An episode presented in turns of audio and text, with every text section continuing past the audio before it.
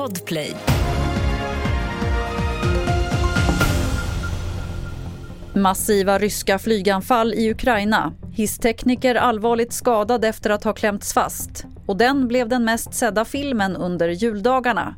Ja, vi börjar i Ukraina där 18 personer dött och över 130 skadats efter Rysslands massiva beskjutning mot flera ukrainska städer under natten och morgonen.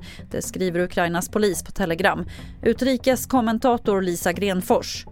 Enligt den ukrainska tidningen Kiev Independent så är de attackerna som har varit i natt de eh, värsta som har varit i Ukraina på flera månader. Och det är dödsoffer i, i flera olika städer. Eh, det talas om eh, angrepp på shoppingcenter, bostäder och i något fall också en mödravårdsavdelning på ett sjukhus som har träffats.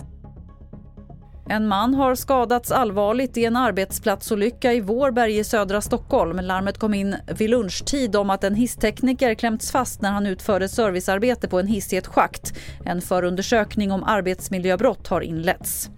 Nästan sju ton kebabkött med hästkött i har levererats till restauranger och pizzerior i Dalarna. Det rapporterar lokala medier. Tidigare sades det att det rörde sig om 65 kilo kebabkött med häst i som hade beslagtagits hos en grossist i Dalarna. Men nu har det alltså visat sig att det rör sig om betydligt större mängder. Till sist kan vi berätta att ett sista race har seglat upp som etta på biotoppen under julen.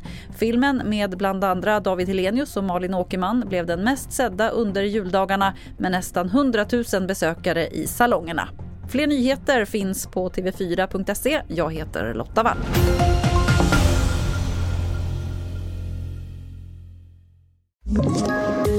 Poddtips från Podplay. I podden Något Kaiko garanterar östgötarna Brutti och jag, Davva, dig en stor dos skratt. Där följer jag pladask för köttätandet igen. Man är lite som en jävla vampyr. Man har fått lite blodsmak och då måste man ha mer. Udda spaningar, fängslande anekdoter och en och annan arg rant. Jag måste ha mitt kaffe på morgonen för annars är jag ingen trevlig människa. Då är du ingen trevlig människa, punkt. Något Kaiko, hör du på Podplay. Därför är gardinerna.